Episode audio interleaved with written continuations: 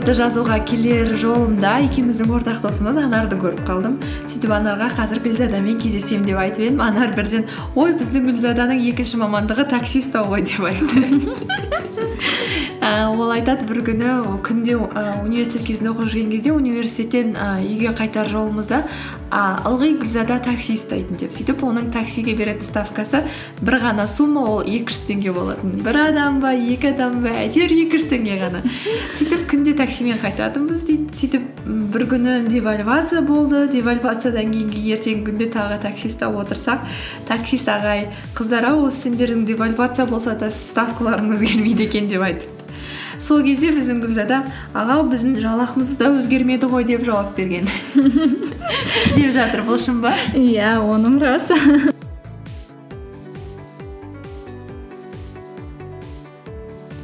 Сәлеметсіз ба қымбатты тыңдарман. Тамаша жыл подкастының екі мың он тоғызыншы жылдағы алғашқы эпизодына қош келдіңіз. Бүгін біз ақылына көркі сай тамаша қыздардың бірі гүлзадамен бірге әңгімелесеміз. Гүлзада қазіргі таңда бірінші кредиттік бюро компаниясында риск менеджер болып жұмыс істейді. Бірінші кредиттік бюро ол қысқаша айтқан кезде несиелік тарихымызды жинақтайтын қазақстандағы қаржы секторында қызмет ететін ірі технологиялық компания болып табылады. Олар банктерге түрлі үлкен компанияларға қызмет көрсетеді. Әрине бұл бірінші кредиттік бюроның жарнамасы емес. Басты бүгінгі біз үшін маңызды ол гүлзада екеуміздің болатын әңгімеміз.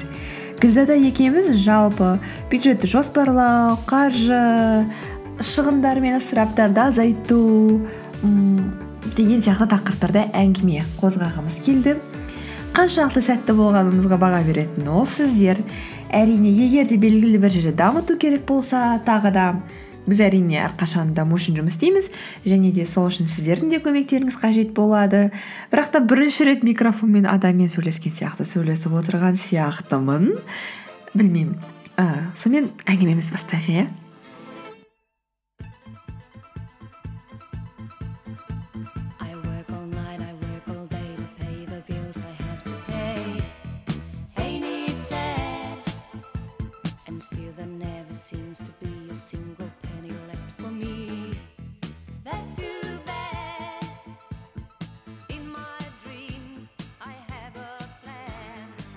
Қарап отырсақ мысалы ііі майда шүйде ұсақ түйекке біз ііі біраз ақша жұмсап қалай кетіп қалғанын байқамай қаламыз иә.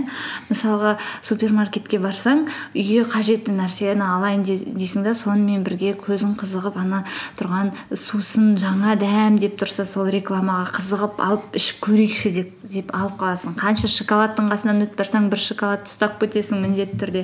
Соларды көресің да кассаға барып тұрғанда бес мың теңге болып шығып тұрады. Бір пакетке салынған зат бес мың теңге ойлайсың не бар бұны соншалықты деп. Қайда кеткен бес мың теңге қайда кетті дейсің сосын.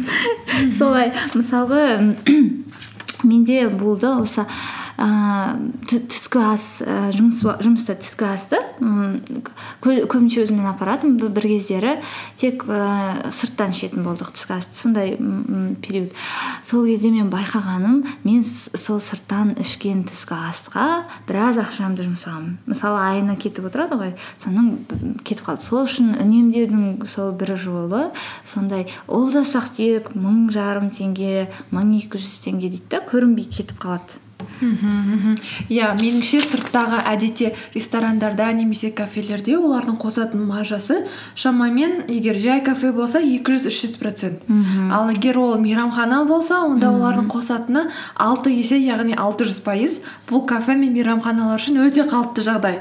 Яғни міндетті түрде олар жаңағы бір затты сіз бес жүз теңге деп тұрған заттың өзіндік бағасы ол жүз теңге болар бәлкім мысалға иә? Иә. Көбінше солай болады.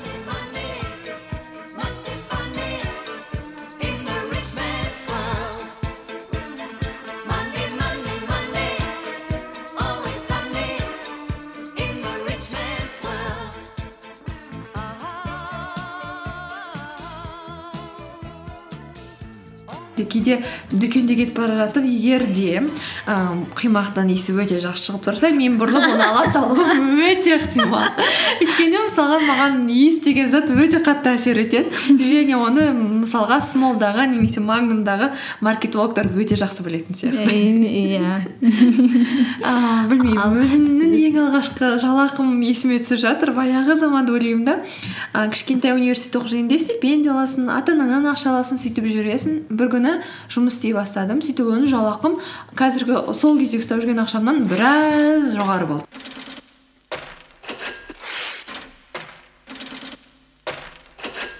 Дегенмен де мен сол стипендиямды қалай құртсам бірінші жалақымды дәл сондай жылдамдықпен құрттым және айдың соңында ешқандай бұрынғы айларға қарағанда ешқандай өзгеріс көрмедім. Әл ауқатымның жақсарғаны немесе көңіл күйімнің жақсарғанын тіпті де байқамадым. Ақша қалай келді солай кетті және сол сезім стипендия алған және жалақы алған сезім бірдей болды. Қанша есе қанша есе көп болса да дейсің ғой. Иә есесі әсер етпеді. Мхм сол қалай жүрдің? Солай сол сол нелер болды? Иә иә тіпті бірақ менің өзімнің әл ауқатым өзім сезінуім бақыттылық деңгейім де өзгермеген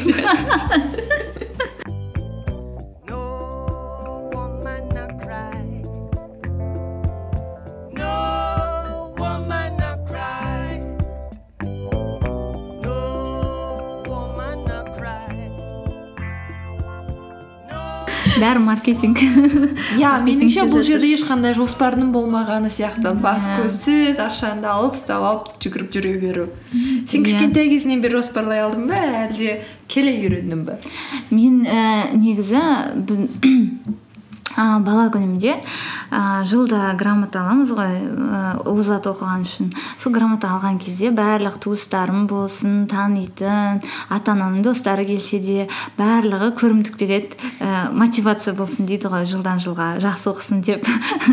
Сол ә, сол кезде берген ақшалардың бәрін алатынмын да ә, ол кезде ә, жасыл кошелегім болатын.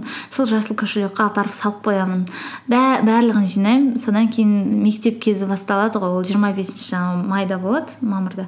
Содан кейін мектеп кезі басталған кезде сабаққа керек ә, дүниелерді алу керек. Сосын мамаларымызбен барамыз. Сосын мен мен қымбат нәрсені ұстап аламын. Менің сол әл- әлі күнге сондай нем бар әдетім. Сөйтіп ұстап алсам сосын енді ата анамның да жоспары бар ғой. Енді мына балаға осынша мың кетіремін осы мектепке баратын ә, киімдерге деп. Ә, сөйтіп ә, қызым бұл қымбат немесе түрінен көріп тұрамын мамамның ше сосын айтамын онда мен өзімнің ақшама аламын деймін да жаңағы жасыл кошелегімді қалтамнан шығарамын ғой. Сол момент иә сол моментте иә сол кезде енді бала күнде ә, сондай әдемі киім әдемі зат ойыншыққа ғана қызығасың ғой. Соны өзімнің ә, жеке қаржымнан алатынмын деп айтсам болады. Өте жақсы. А білесің ба мен кейде инстаграмда отырған кезде сенің суреттеріңді өте жиі көремін. Кеше ғана менімен бірге отырған сияқтысың а ертеңгі күні сен басқа бір азия елдерінде немесе басқа бір демалыс орындарында жүресің. Сол кезде ойлаймын біріншіден гүлзада уақытын қалай табады екіншіден ақшасын қалай жоспарлайды иә негізі ә, барлық нәрсеге иә негізі алдын ала м, кішкене қағазға түсіріп жоспарлап алған дұрыс. Ә, мен ә, әсіресе ә, жаңа саяхаттарды себебі саяхаттарды дәл кезінде алсаң оның билет авиабилеттің де бағасы қымбат отельдердің бағасы да қымбат орын болма- болмауы деген сияқты нәрселер болады ғой. Сол үшін саяхаттарды бір екі ай бұрын ә, кемінде жоспарлап алған дұрыс. Осынша күн осынша уақытқа деп иә. Ә, сол үшін жалпы ай- айлық жоспарды жасайсың. Айлық жоспарға мысалға м, ең қажетті өзің білетін маслоу бойынша. Аха иә. Ал тұтын жаңа қажеттілік деңгейлері бойынша орналастыру иә иә иә. Қазақ қажеттілік деңгейлері бойынша мысалы ең бірінші тағам транспорт баспанаға мысалға иә.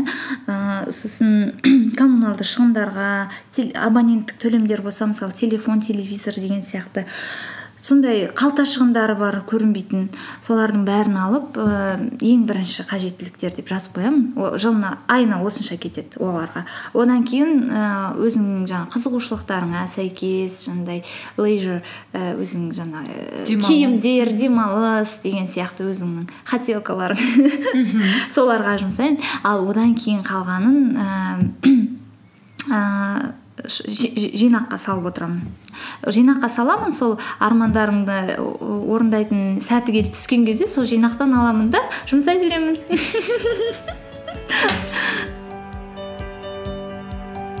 Жалпы ә, мысалға адамдардың егер ә, ұзақ жоспарлы ұзақ мерзімді жоспарларға ә, мысалы пәтер алуымын немесе автокөлік аламын немесе бір оқуға барамын деген шетелдік ә, білім алу жүйесін өзің де білесің. Ә, сондай жоспарлар болса оны жылына бөліп мысалы осы екі жылда осынша сомаға мысалы көлік алатын болсаң осынша сомаға көлік аламын деп соны жылдарға бөліп қойған жақсы. Және ол ақшаны доллармен сақтаған себебі ә, олар импорт товарлар болғаннан кейін. Шетелдік білімде ол өзінің өз валютасында болады. Сол үшін оларды сол өзінің валютасында сақтаған дұрыс. Иә жинақтаған өте жақсы. Бірақ та енді ескі методқа салып біз оны жастығымыздың астына салып қоямыз ба әлде банкке саламыз ба қайда апарған дұрыс. Соңғы мысалға астана банкіне көп адамдар депозиттерін салып кейін ақшасын ала алмай жүрген адамдар болды. Айлап иә банкті күзетіп қашан ақшамды береді деп та. сенімділік бар ма? Сенімділік ә, сол үшін мен ойлаймын барлық ақшаңды алып бір банкке салып қойған ә, кішкене қауіптілеу себебі ақша одан кейін керек болып қалған кезде сен ол банкте жаңағыдай кризис ә, си- ситуация болса онда алу қиын. Сол үшін ә, өзіңізге сенімді банктің екеуге немесе үш банкке бөліп және де долларға теңгеге деп, депозитке ашып қойсаңыз өте тиімді. Содан кейін бізде қазақстан депозит қандай қоры деген бар иә егер де белгілі бір ситуация болып Иә. қалып жатса ол ақшаны қайтарып бер. Міндетті түрде адамға береді түрде иә. қайтарады теңгелік теңгелік депозиттерге Иә, 10 долларлық миллион иә? долларлықтарға 5 миллион.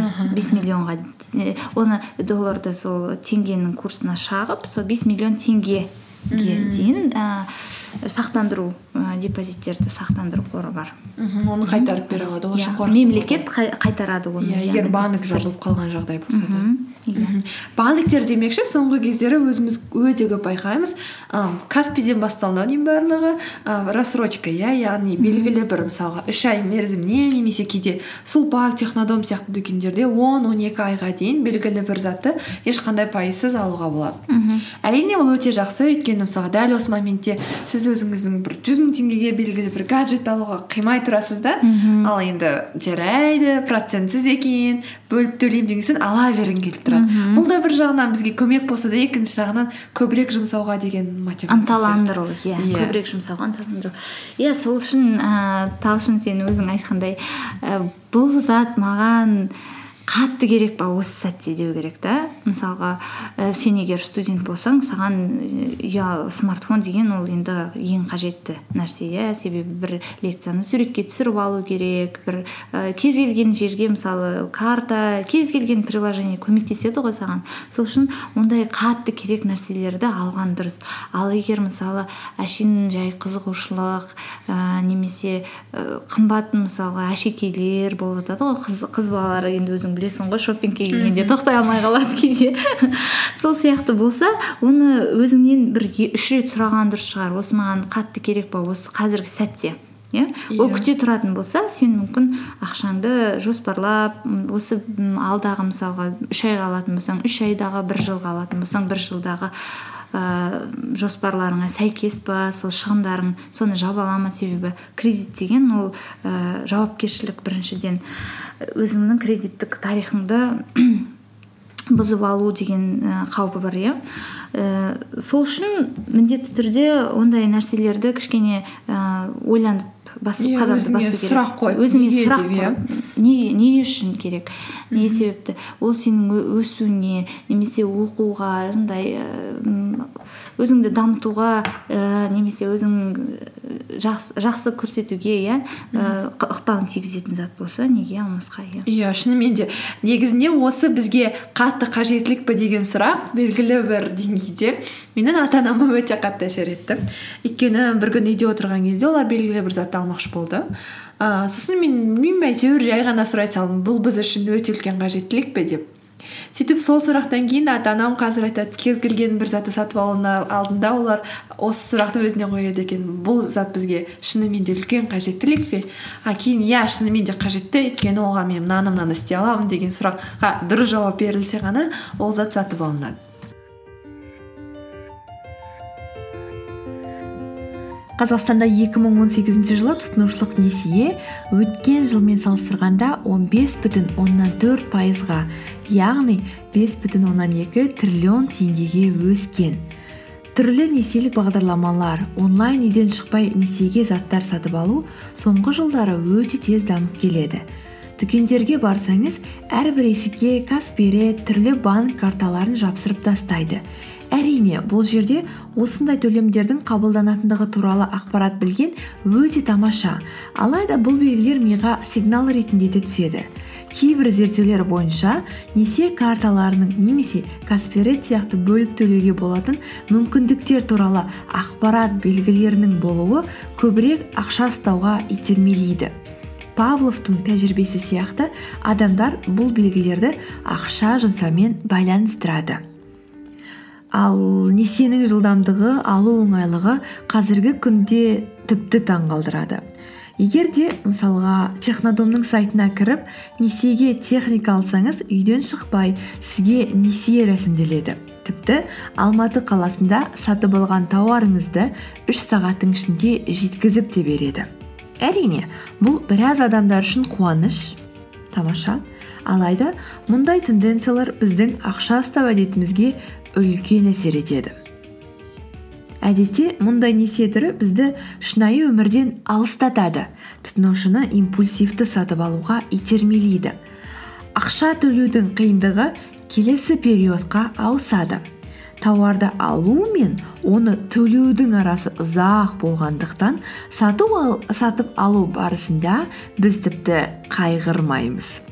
Психологиялық жағынан қарағанда тауарды сатып алғаннан кейін біз бір теңгеге болсын кедейленбейміз. Сондықтан несиелердің шизофрениялық әсері бар деп те айтады.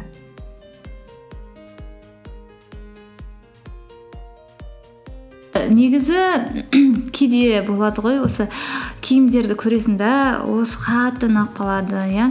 Сосын болады кейде барасың да неде бутикте тұрып ойлайсың ә, жақсы ұсыныс болып тұр екен. Ііі бағасы иә иә. алмасқа неге киіп қалармын? Анаумен киермін мына жағдайда киіп қалармын деп алып қаламыз да. Сосын үйге алып келіп гардеробта екі жыл киілмей онымен киілетін нәрсе жоқ деп сылтаурап жатады. Негізі ә, сол үшін киімді алған кезде бірден і өзің жүз пайыз осыны қазір осы киіммен киемін деп алып алмасаң ол құры жатып қалуының үлкен ықтималдығы бар. Иә кейде мен ойлаймын да үйде қаншама көп киімдерім бар. Былай қарасам егер де чемодандарға салсам ол білмеймін екі үш чемодан үш төртеу ма білмеймін көп кетеді. Бірақ та егер енді дәл сол момент келіп мен бір нәрсе киейін десем менде киім жоқ сияқты көрінеді да. Сосын ойландым. иә ойландым. Мүмкін марк цукерберг сияқты бір ііі жаңағы водолазка. иә водолазканың немесе белгілі бір і киімдердің үсті киетін астыға киетін киімді таңдаймын да. Соны Иә. ақ сұр қызыл түстерін сатып алып соны киіп жүре берейін ба деп ойладым марк цукербергті мен қателеспесем бір интервьюінде айтқан осындай футболканың үш түрі үш үш парасы бар менде. Соны күнде біреуін тастаймын да екіншісін киіп кете беремін ойланбас ойланып оны уақыт кетірмес үшін. Иә бірінші басын алмайды екіншіден Иә. мысалға дәл біз қыздарға шығын кетпейді иә көп ойланбайсың. Ана киім керек маған мынау деп те білмеймін. Негізінде минималистік өмір стилін өмірге енгізіп көруге болады бірақ қиын сияқты ол да. Ә, ә, мен кейбір нәрселерге қазір ә, үйдегі нәрселерге ке- соны пайдаланып жүрмін сол методты енді қыз болған соң киімдерге енді айта алмаймын. Себебі әр жағдай болған соң сол жағдайға сәйкесінше болса дейсің да. Ал үйдегі нәрселерді бір ә, зат бірнеше не дейді қажеттілікті өтей алатындай болса ол өте жақсы енді. Сондай заттарды сатып алғанда да сөйтіп анаға мысалы бір жай полка алсаң оны былай пайдалануға болады былай да пайдалануға болады деп сондай үй- үйге сөйтіп көп затпен толтырмай барынша сол қажеттіңізді өтейтіндей ол құры тұрмай бір қажетіңізге жарап ол сіздің ә, жақсы өмір сүруіңізге үлесін қосып тұр ма деп көру қарау керек сияқты да. Сондай особенно үйдің себебі ә, кейбір пәтерлерге кіресің үй толып тұрады ауасы да тар сияқты иә. Немесе офистарға кіресің толған папка оның ішінде қағаз қағаз қағаз қағаз қағаз. Оның қаншалықты керек екенін ол кісінің иесі өзі де білмейді.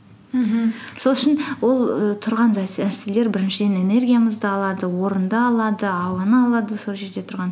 Сол үшін иә сондай мақсатта минималистік. Керек емес па деп ойлап бірден лақтыру керек немесе мысалға киімдер болса ә, не благотворительность қайырымдылық. қайырымдылыққа қорына жаңағы жіберіп сондай жолын тапқан дұрыс сияқты. Иә міндетті түрде ол және тек қана бізге ғана емес бір жағынан екінші жақтан қоршаған ортаға Қоршаған зиян, иә. ортаға. қаншама зат бостан бос шығын ысырап болып шығып жатады иә Иә. бір киім сатып алдың сен кимедің а бұл ысырап. Мхм. Содан кейін ә, қазір деген неше түрлі жаңағы мобильді қосымшалар бар ғой.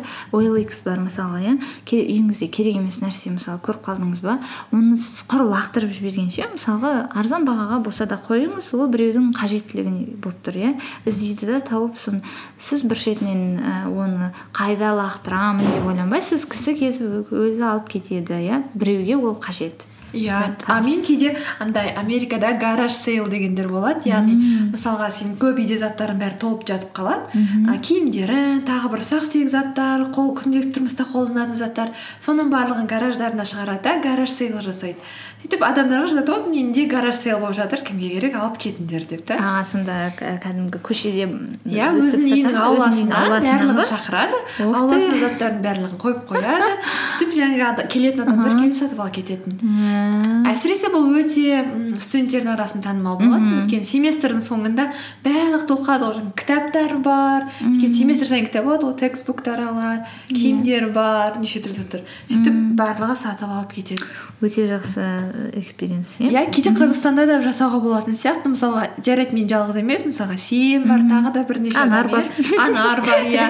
Бізде мысалға біз кимейтін бірақ біреудің қажетіне жарауы мүмкін заттарды мысалға. Өте арзан бағада болсын әйтеуір. Сатып өткізіп біз де белгілі бір өзімізді тазаланып жақсарып қаламыз иә? Иә. және сол жиналған ақшаға басқа бір басқа иә. бір қажеттілігіңе жұмсай аласың иә? Сансыз жарнамаларға адамдардың қажеттілігі мен қалауларының өзгеруіне байланысты көп сән салтанат заттары қажеттілікке айналып кетті. Жан жағымызға зер салайықшы. Сән әлемі осы маусымның ең жаңа үлгілерін трендтегі түстерді көрсетіп дәл осы сәтте мына затты алсаң трендке сәйкес боласың деп жар салады. Технологияда үздіксіз дамып бар істеп тұрған телефонымыздан гаджетімізден сәл өзгеше жаңарақ түсін көрсетіп бізге өзінше жол сілтейді. Ал біздер ең алдымен ең соңында қоқыс жәшіктерінен үйдегі қораптар мен сөрелерден ғана табылатын сол жерлерді ғана толтыратын қажеті азырақ заттарды азырақ өндіруге азырақ сатуға азырақ сатып алуға және азырақ қолдануға тырыссақ қалай болар екен достар?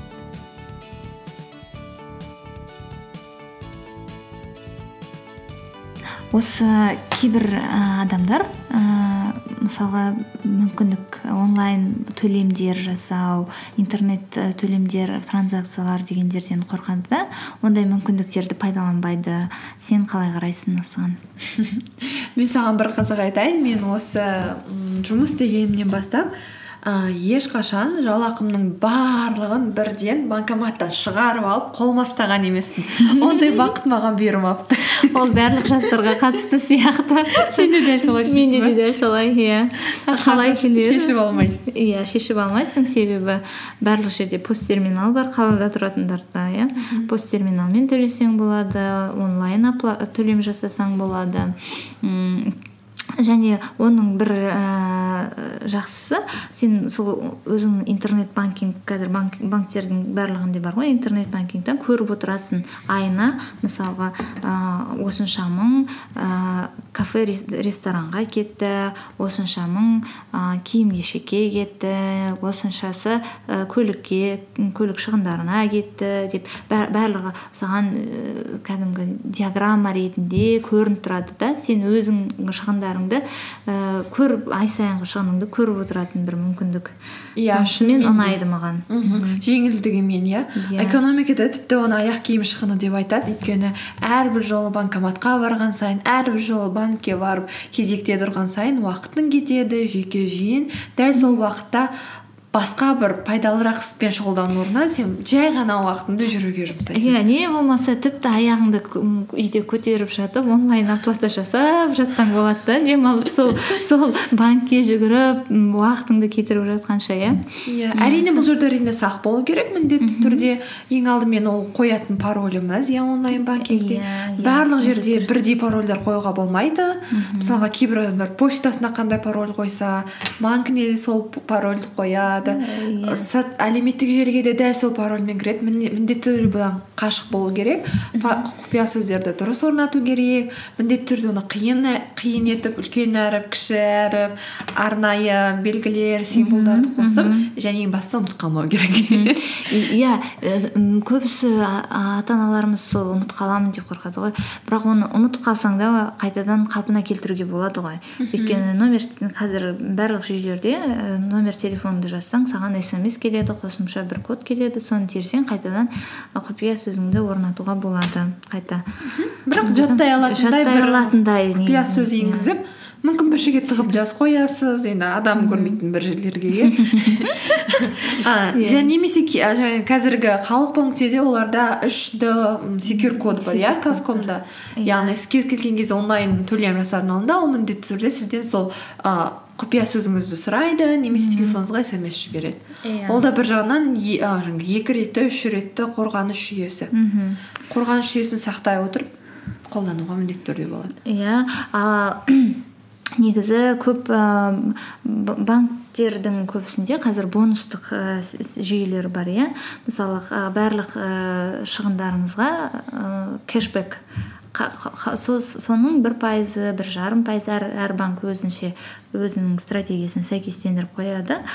Ә, со- сол тоже айтып кеткенімдей көл сияқты болады ғой. Майда шүйде бір алпыс теңге жетпіс теңге деп отырады да бір күні өтіп үш мың теңге болып тұрады бонусың мен мысалы мен а, өзімнің ұялы телефон абоненттік төлемін сондай бонуспен жиналған ақшамен төлеймін М, Иә. өте тиімді. Мхм мхм.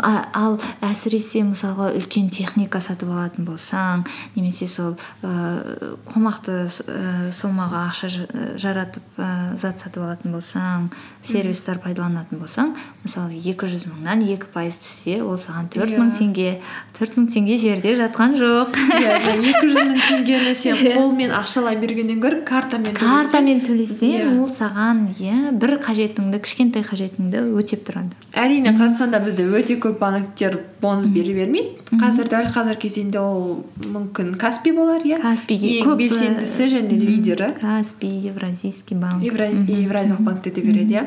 А, мысалға халық банкте белгілі бір бонустар береді бірақ ол бонустарды шынымды айтсам қалай жиналатынын әлі күнге дейін түсінбедім. Және екіншіден а, кейде ол бонустар бір жерден түседі кейбір жерлерде түсе бермейді. Және оны барлық жерде бірдей пайдалана алма- алмайсың бонустарды пайдалана алатын і, өзінің нүктелері бар. Иә. Мхм ал бұл жағынан әрине каспи өте мықты өйткені Каспи- кез келген тауар сатылымынан белгілі бір процент түсіп отырады иә? Түсіп отырады иә. Кез келген әйтеуір телефонның балансын болсын бір шығынды ақтап отырады иә көзге көрінбейді бірақ айтып өткенімдей ол ұсақ түйектен жиналған жиналады да ол да ақша болып шыға келеді бір күні. Сол ә, және де бұл банктерде ә, көп ә, төлемдерді мысалы бар ғой онлайн анау ә, аударымдар жақсы өте. Мысалға сен ә, каспидің ішінде мысалға бір клиенттен бір клиентке каспидің клиентіне аударым жасасаң нөл теңге комиссия. Төлемейсің Ка- сол, сол мысалға біз бұрында біреуден қарыз алып жатсақ міндетті түрде кездесіп алатын едік. Соған операциялық шығындарымыз еді ол уақытты кетіріп барып сонымен алатын. Ал қазір отырасың да бір минуттың ішінде ақша сенің иә сенің қалтаңа түсе қалды. Электронды қалта шынайы қалтаңда болмаса бір өкініштісі қазақстанда бізде бір андай бір ортақ қызмет сервистер жоқ сияқты. Өйткені америкада тұрған кезде ол жерде біз а, venmo немесе square cash деген қолданатынбыз.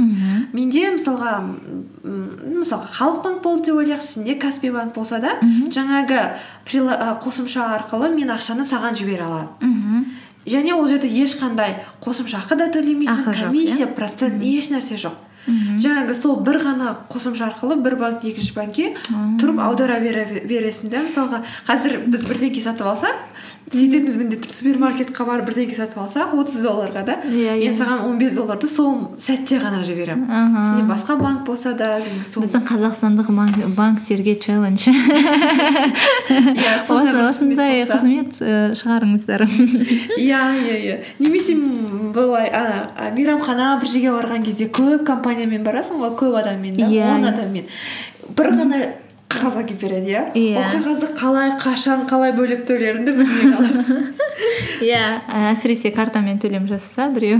Иә иә өте қалай иә. отырасың иә. Иә сол кезде де америкада дәл солай болатын. Біз бес карта болса бес қазір каспи бізге соңғы кезде біз ойынға барамыз квиз плейс деген сол ойынға барған кезде м, бір счет келеді сол кезде төлейміз. Бәріміз номерімізді білеміз. Онда каспиде номер телефоны арқылы ақшаны лақтыру деген қызметі бар.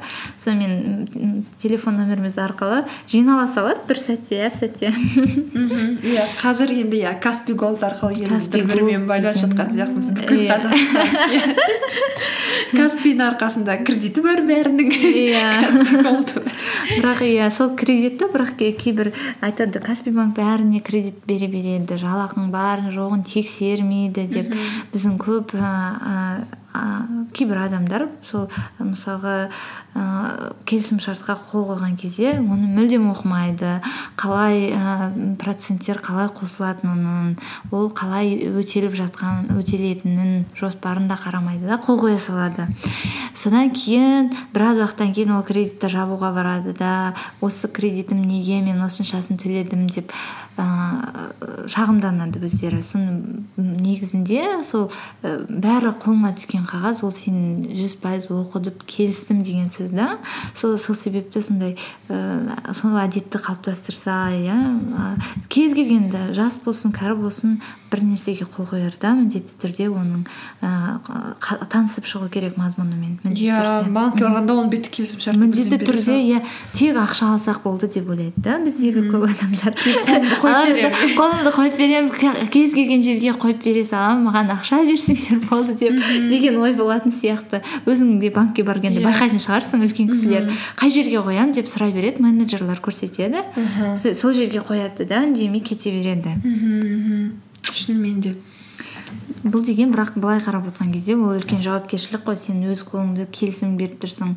Ол олар заң заңды жүзде саған ә, сенен талап ете алады. Сол Иә. соны ескеру керек. Иә міндетті түрде.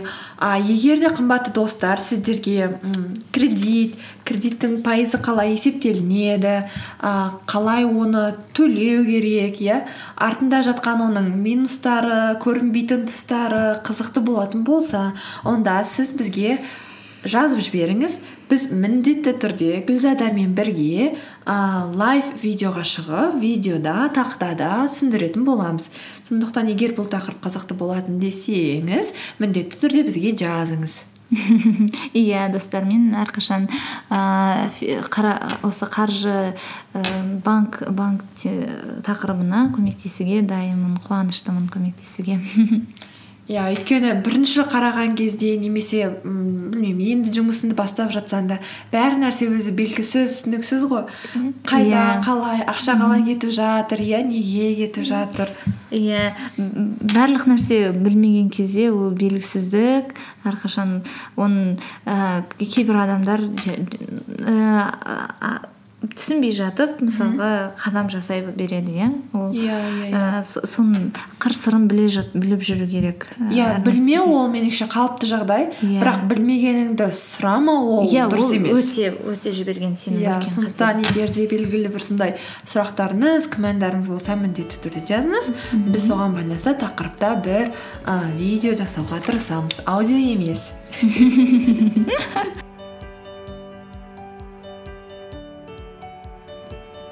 әрине онлайн банкинг картамен төлем жасау өте тамаша және де қазіргі заман бізге ұсынып жатқан үлкен мүмкіндіктердің бірі. Дегенмен де кейбір эксперттердің айтуы бойынша егер де ақшаңызды үнемдегіңіз келсе кейде қолма қол ақшамен төлем жасаған да ыңғайлы деп те айтып жатады. Өйткені төлем жасаған кезде қолыңыздан қолыңызбен ақша беріп тұрған кезде сіз шынымен де ақшаның кетіп жатқанын түсінесіз. Ал картаны тек қана Wi-Fi арқылы басу арқылы немесе Apple Pay арқылы жіберген кезде шынымен де ақшаның кеткендігі туралы сезім бізде азырақ болады. Сондықтан бәлкім егер де сіз үшін физикалық байланыс маңыздырақ болса мүмкін қолма қол ақшамен де төлеген кейде тиімдірек болар.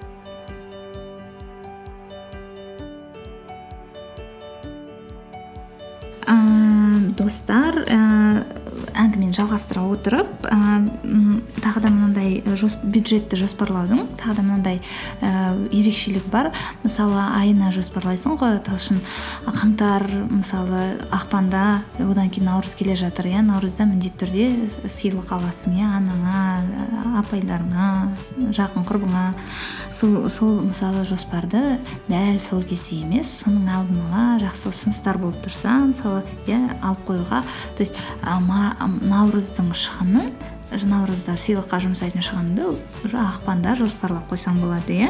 Иә қарап жүре аласың. Сол сияқты мен жыл- а, жылда айға жасаған кезде сол айдың ерекшелігін ескере отырамын. Мысалға достарымыз үйленіп жатса той болып жатса жақындарының қуанышы болса оған міндетті түрде ақша бе- ақшалай сыйлық беретін болсаң соған бөліп қоямын. А, және мысалы жаңа жыл болып жатса иә жаңа жылда бәрі отбасыңа сыйлық сыйлау ол ә, бізде сондай ә, традиция. Иә дәстүріміз. Сол ііі сыйлықтарымыз сыйлыққа ақша бөліп қоямын. Сөйтіп әр айдың өзінің маусымның ііі ерекшелігіне лайықтап ақшаны жоспарлаған. Ол жақсы жақсы иә бұл бір жағынан негізінде импульсивті шопингті азайтудың да бір жолы деп ойлаймын. Өйткені кейде бір адамдардың көңілге түсіп кетсе бір оқиғалар болып жатса барып тезірек дүкеннен бірдеңе алғысы келіп аралап сөйтіп жүретін әдеттер болады да. Кейде сол әдеттердің орнына бәрібір наурызда немесе одан келе жатқан айларда алатын затыңды сол кезде алу арқылы біріншіден өзіңді психологиялық түрде қанағаттандырасың да. Екіншіден бәрібір Иә. болашақта алатын шығыныңды қазір алу арқылы сен болашаққа да дайындаласың.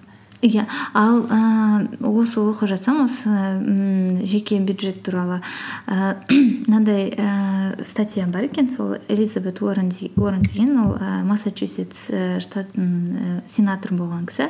Сол ол айтады елу отыз жи- жиырма деген ііі ережені пайдаланады. Елу пайызы ол күнделікті қажеттілікке кетеді. Отыз пайыз кірісі оның ііі жаңағыдай ііі не деп айтады өзің онс деген бар ғой хотелки. Мгм. сондай онсқа жұмсайды және жиырма пайызын жинаққа жібереді жинақ сейвингс сондай. Кейбіреулер мынандай ііі ә, стратегияны пайдаланады екен. Конверт стратегиясы. Ә, өзіңіздің әр категория болады ғой мысалға күнделікті қажеттіліктер ә, білімге да өзің жеке дамуыңа кітап аласың деген сияқты немесе бір онлайн курсы курс аласың ақылы болса. Немесе м,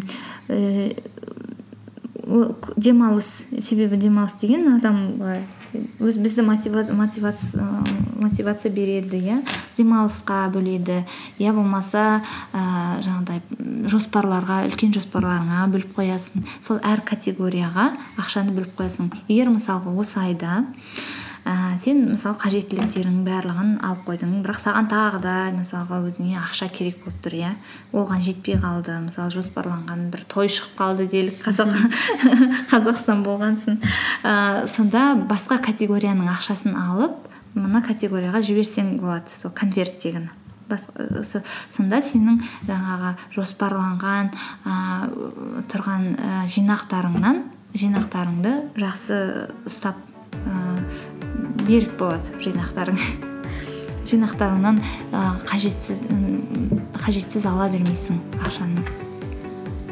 Сондай стратегиялар. Әртүрлі әркімге мысалға біреуге осы жағы, жағуы мүмкін сізге ол жақпауы мүмкін мысалға иә? Ә- әркім немесе ә, мобильді қосымшалар бар. Қа- сен қанша айына қанша жаратқың келетінін бәрін белгілеп қоясың қанша өзің кірісіңді шығысыңды соны белгілейсің.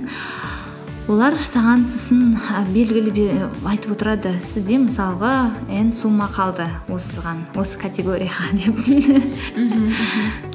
иә болмаса жаңағы банктердің онлайн банкинг егер сіз мен сияқты әрине барлық нәрсені э, не Картамен. төлейтін болсаңыз интернетпен төлейтін болсаңыз онда өте ыңғайлы Со- сол жерден көріп отырасың бір картамен төлейтін болсаңыз бәрін сол жерден көріп отырасыз қанша қайда кетіп жатқанын. Визуалды түрде ол көрініп тұрады сізге. Ол жерде лимит те қоюға болады. Лимитті де қоюға болады және иә. Мынанша ақша алуға болады деген сияқты. Иә Иә. ішінде.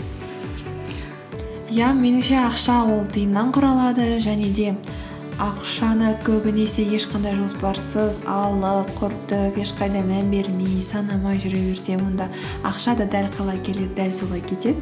Иә ақша да өзіне көңіл бөлгенді жақсы көреді дейді ғой. Иә ақшаны гүлін өсіреміз. Иә.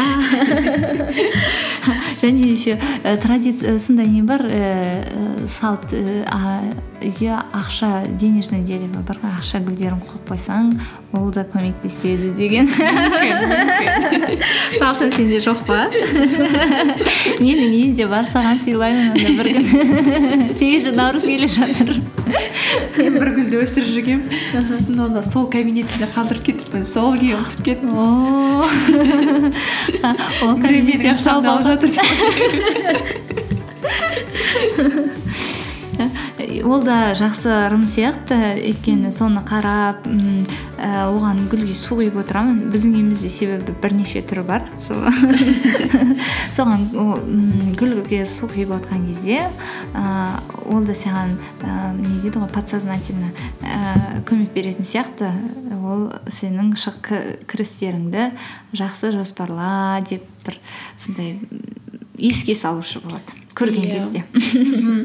өмірді жоспарлаған сияқты бюджетімізді жоспарлау арқылы оны құрал ретінде қолданып өзіміздің армандарымызға мақсаттарымызға қол жеткізе берейік.